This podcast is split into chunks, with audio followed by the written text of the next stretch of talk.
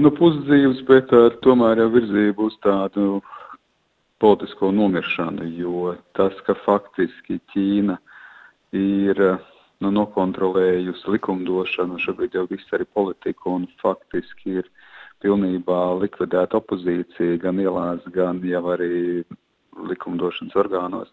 Nu, tas, domāju, ka ir apliecinājums, ka ar vien tuvāk jau arī formāli ir, ka šī sistēma mm, viena valsts, divas sistēmas, divas ideoloģiskās sistēmas, kas bija ielikts eh, tajā šūpulī 97. gadā, kad arī pārņēma Ķīna Hongkongu pēc faktiski simts gadiem, tad eh, šis te tomēr jau zināmā veidā ir noslēdzies. Un, domāju, šie pēdējie divi gadi ir apliecinājums tam un pēdējās dienas, nu, ir tā var teikt, pēdējie punkti šajā stāstā. Diemžēl.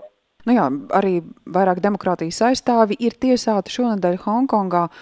Vai tas varētu būt tā, ka ir izdevies salauzt visu turieniešu vēlmi jau kādā veidā protestēt? Mēs atceramies pirms vēl pandēmijas, nu, diezgan aktīvi cilvēki iesaistījās protestos. Tad šobrīd ar visiem drošības likumiem tā iespējamība, ka cilvēki saceltos, ir izdzēsta.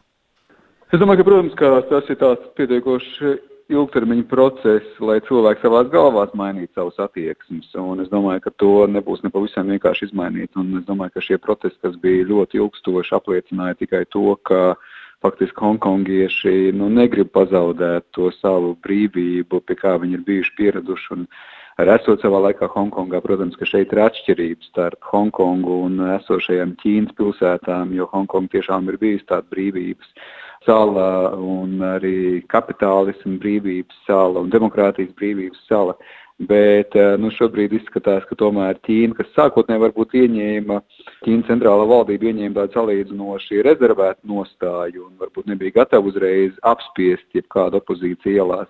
Tad šobrīd tomēr acīm redzam tā vēlmi, ka nu, nospiest eh, opozīciju, nospiest arī politiski caur juridiskiem instrumentiem. Un es domāju, ka, protams, ka tas pārspēks ir acīm redzams, tāpēc tā vien šķiet, ka tā aktīvā protestēšanas fāze ir noslēgusies pat, ja cilvēki iekšēji absolūtais vairākums noteikti nebūs ar to samierināti. Bet, um, nu, atkal jāsaka, ka Hongkongas nu, kopumā tā ietekme nenoliedzami ir mazinājusies, jo iepriekš Ķīna bija atkarīga arī no Hongkongas ekonomiskās izaugsmas. Hongkonga vairākus gadu desmitus tika uzskatīta par pasaules visbrīvāko ekonomiku, tad šobrīd viņš šajā sarakstā, pēdējā sarakstā, pat neiekļuva.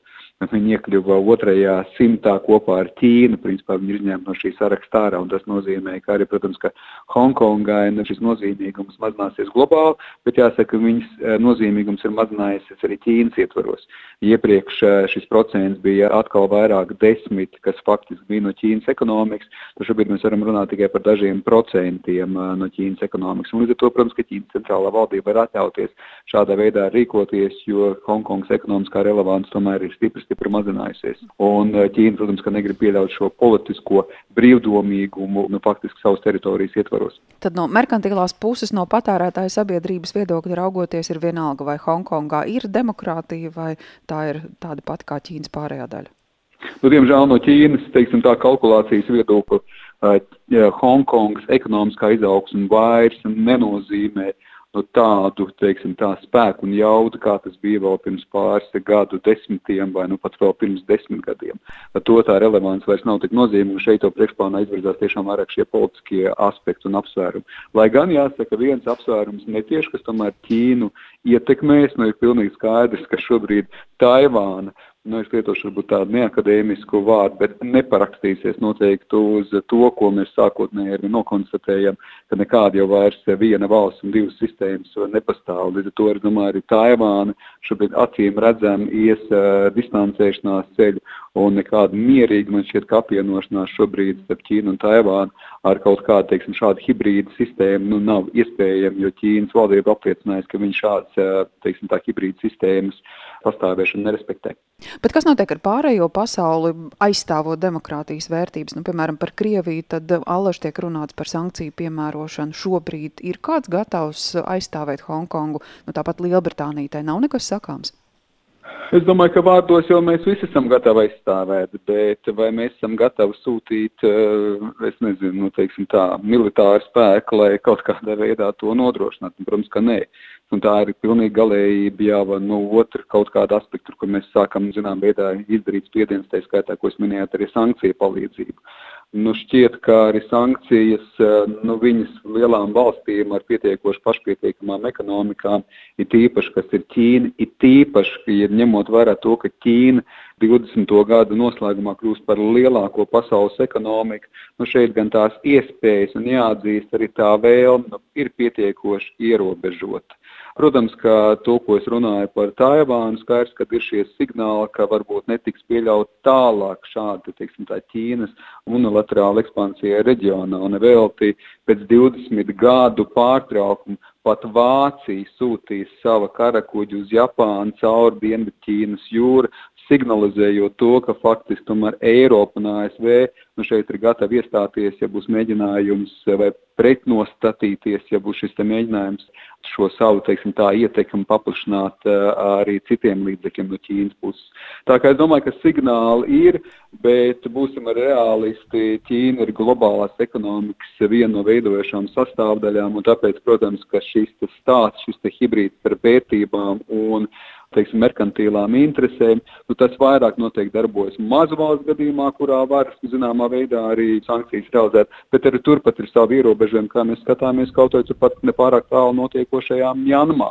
Arī šeit ir runa par sankcijām, arī šeit ir runa par to, ka vajadzētu tomēr šīs cilvēkvērtības un demokrātiju aizstāvēt, bet uh, reāli tā ietekme jau, protams, ka salīdzinoši ir uh, nu, ierobežota nevar noliekt, ka tam ir signāla nozīmīgums, nevar noliekt, ka tas var spēlēt zināmu lomu ilgtermiņā, jo, protams, ka neviena valsts negrib būt kaut kādā veidā izslēgta vai pakļauta sankciju režīmam, bet uh, tomēr, nu, pilnīgi skaidrs, ka šie sankciju režīmi visticamāk parasti jau nemaina aktīvi esošās valsts uh, politiku. Jā, Ķīnā ir vēl kas tāds, kas uh, daudz viet pasaulē pietrūks. Ķīnā ir arī sava vakcīna, vai to viņi šobrīd arī izmanto kā diplomātijas nesēju?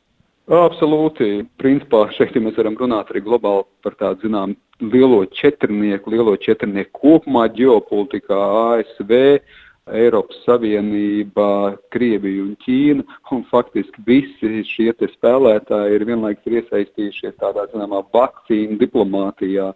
Un, ja mēs skatāmies uz vakcīnām, tad attīstītās valstis vakcinēsies nu, vismaz pēc prognozēm uz 22. gada sākuma pirmo pusi, bet attīstības valstis varētu vēl vakcinēties divus, trīs gadus, tā kā mēs runājam tā skaitā par to pašu Āfriku.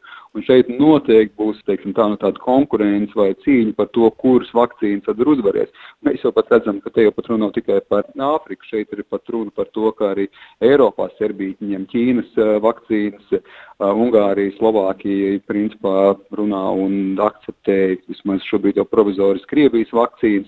Tā kā šī vakcīna diplomātija, vakcīna konkurence nenoliedzam, ka būs, un nenoliedzam, ka tas saistās arī ar valsts pozicionēšanos, ar mēģinājumu arī parādīt to, ka tiešām viņi spēj šādas vakcīnas nodrošināt, nenoliedzam, ka tas saistīsies ar to, ka arī vismaz no Ķīnas puses, ka parasti jau ar ekonomiskā palīdzību, šajā gadījumā ar vakcīnu palīdzību, šajā gadījumā, zinām, veidā šī veselības zīda ceļa virzīšana, viņi saistās arī ar tādām politiskām saitēm vai politiskās ietekmes stīgām, kas ir piestiprināts klāt pie šīs vakcīnu diplomātijas.